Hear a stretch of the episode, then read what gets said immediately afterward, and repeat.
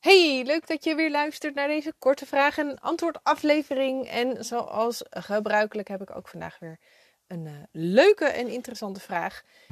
Um, beetje algemener dit keer, maar uh, wel super interessant. Zeker ook als je uh, zwanger wil worden. En um, nou, laten we meteen er maar op ingaan. Want de vraag van vandaag is: hoe kan ik meer gaan leven volgens mijn cyclus?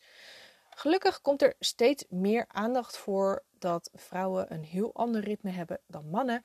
En dat vrouwen over het algemeen beter gedijen als ze hun eigen vrouwelijke ritme volgen. Maar wat is dat ritme en hoe kun je het beste eten, sporten, werken en ontspannen op basis van je vrouwelijke ritme?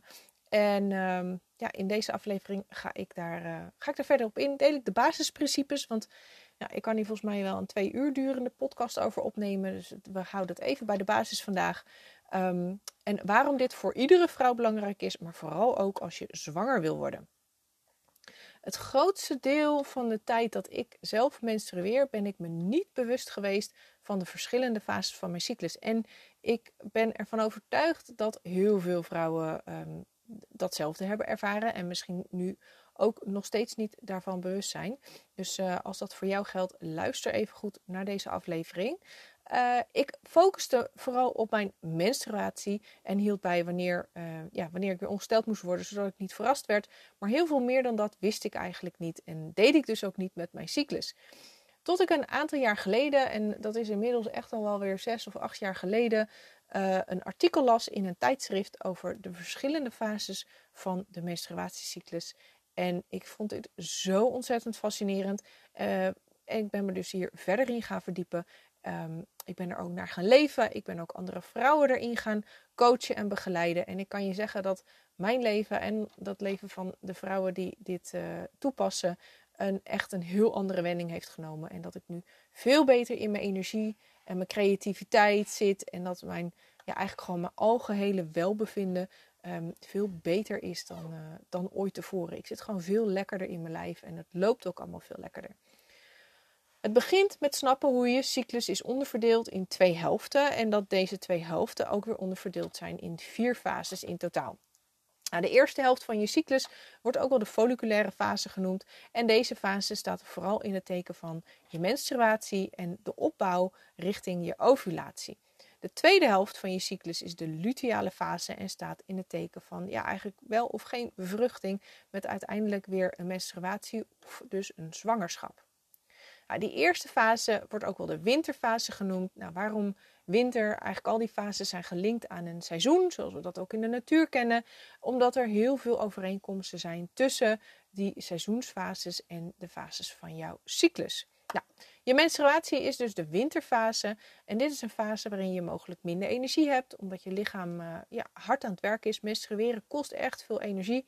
Um, dus het is niet gek als je een beetje moe bent. En tegelijkertijd begint oestrogeen na een dag of drie, vier ook weer toe te nemen, waardoor je langzaam weer wat meer energie krijgt. Dat is ook waarom de meeste vrouwen in de eerste twee dagen, drie dagen van hun cyclus, uh, vooral van hun menstruatie, het vooral uh, als meest zwaar ervaren. Heb je nou last van hevige of pijnlijke menstruatie of extreme vermoeidheid of kribbigheid, dan zijn dit echt wel duidelijke signalen van je lichaam dat je even wat rustiger aan moet doen en dat je niet helemaal in lijn leeft met dus die fase of misschien wel met je hele cyclus. Na je winterfase breekt de lente aan, zoals dat ook in de natuur is. En dit is een fase uh, tussen je menstruatie en je ovulatie. Gemiddeld genomen duurt het ongeveer een week. En um, uh, waar al tijdens je menstruatie uh, dit proces is begonnen, is nu je eicel steeds meer aan het rijpen en aan het ontwikkelen. Oestrogeen neemt ook steeds verder toe. Uh, en ondertussen wordt ook onder invloed van oestrogeen je baarmoederwand dikker en dikker en bereidt zich voor op een eventuele innesteling van een bevruchte eicel later in je cyclus. Als het goed is, ervaar je nu ook steeds meer energie en voel je je richting je ovulatie zelfverzekerder, energieker en schiet je libido ook flink omhoog. Nou, vlak voor je ovulatie pieken oestrogeen, testosteron en het luteiniserend hormoon, waardoor jouw ovulatie in gang wordt gezet. En dit is eigenlijk ook officieel de start van je zomerfase. En vlak voor en tijdens je ovulatie ben je dus op je vruchtbaarst.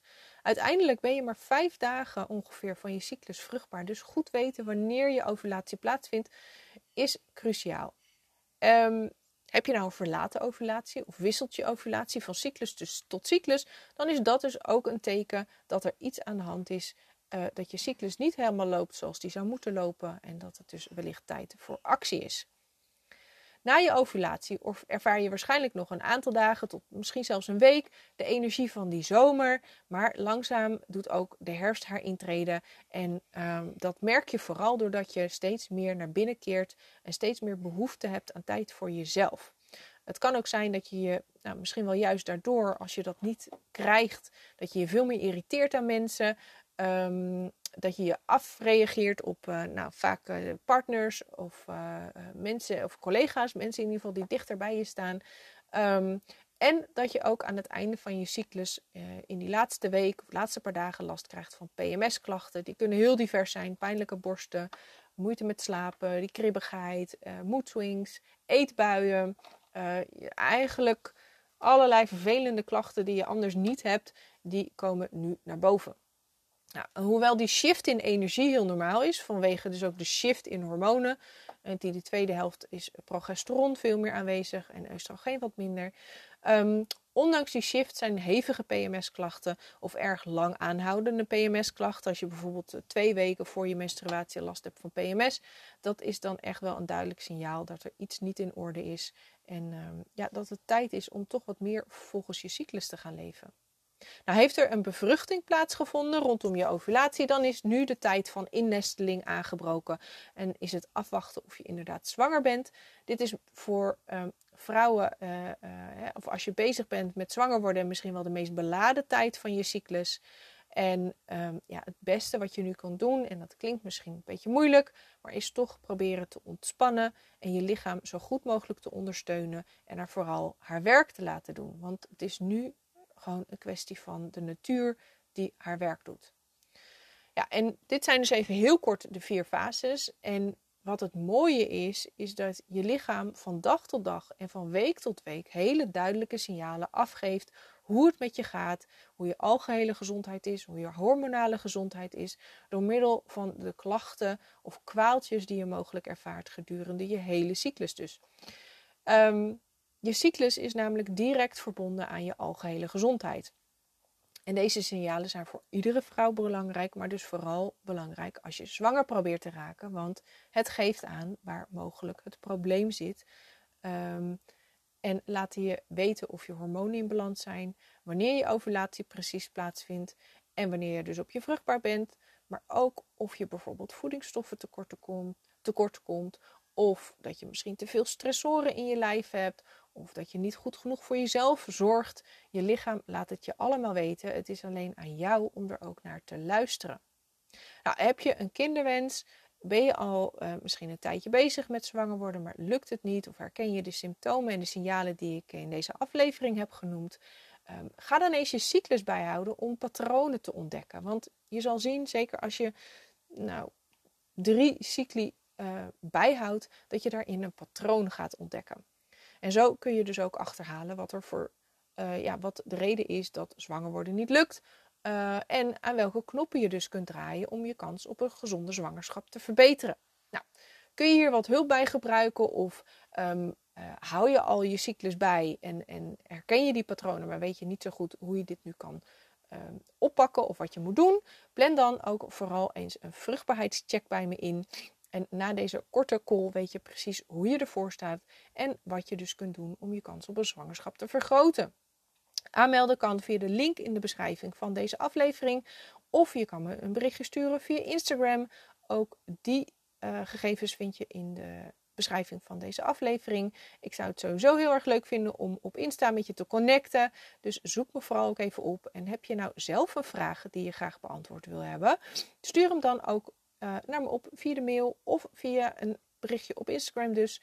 Um, en dan ga ik hem beantwoorden. En uh, sowieso naar jou persoonlijk, maar misschien ook wel hier in de podcast. Uh, uiteraard anoniem, dus uh, wees niet bang. Um, ja, oh ja, en vergeet ook niet om je te abonneren op mijn podcast, zodat je dus een melding krijgt als er weer een nieuwe aflevering klaar staat. het makkelijkste is dit door op volgen of het belletje te klikken bovenaan de podcast. Ik kijk er in ieder geval weer heel erg naar uit om van je te horen, om je vraag voorbij te zien komen. En hopelijk ben je ook de volgende aflevering er weer bij. Ik zou zeggen, tot dan!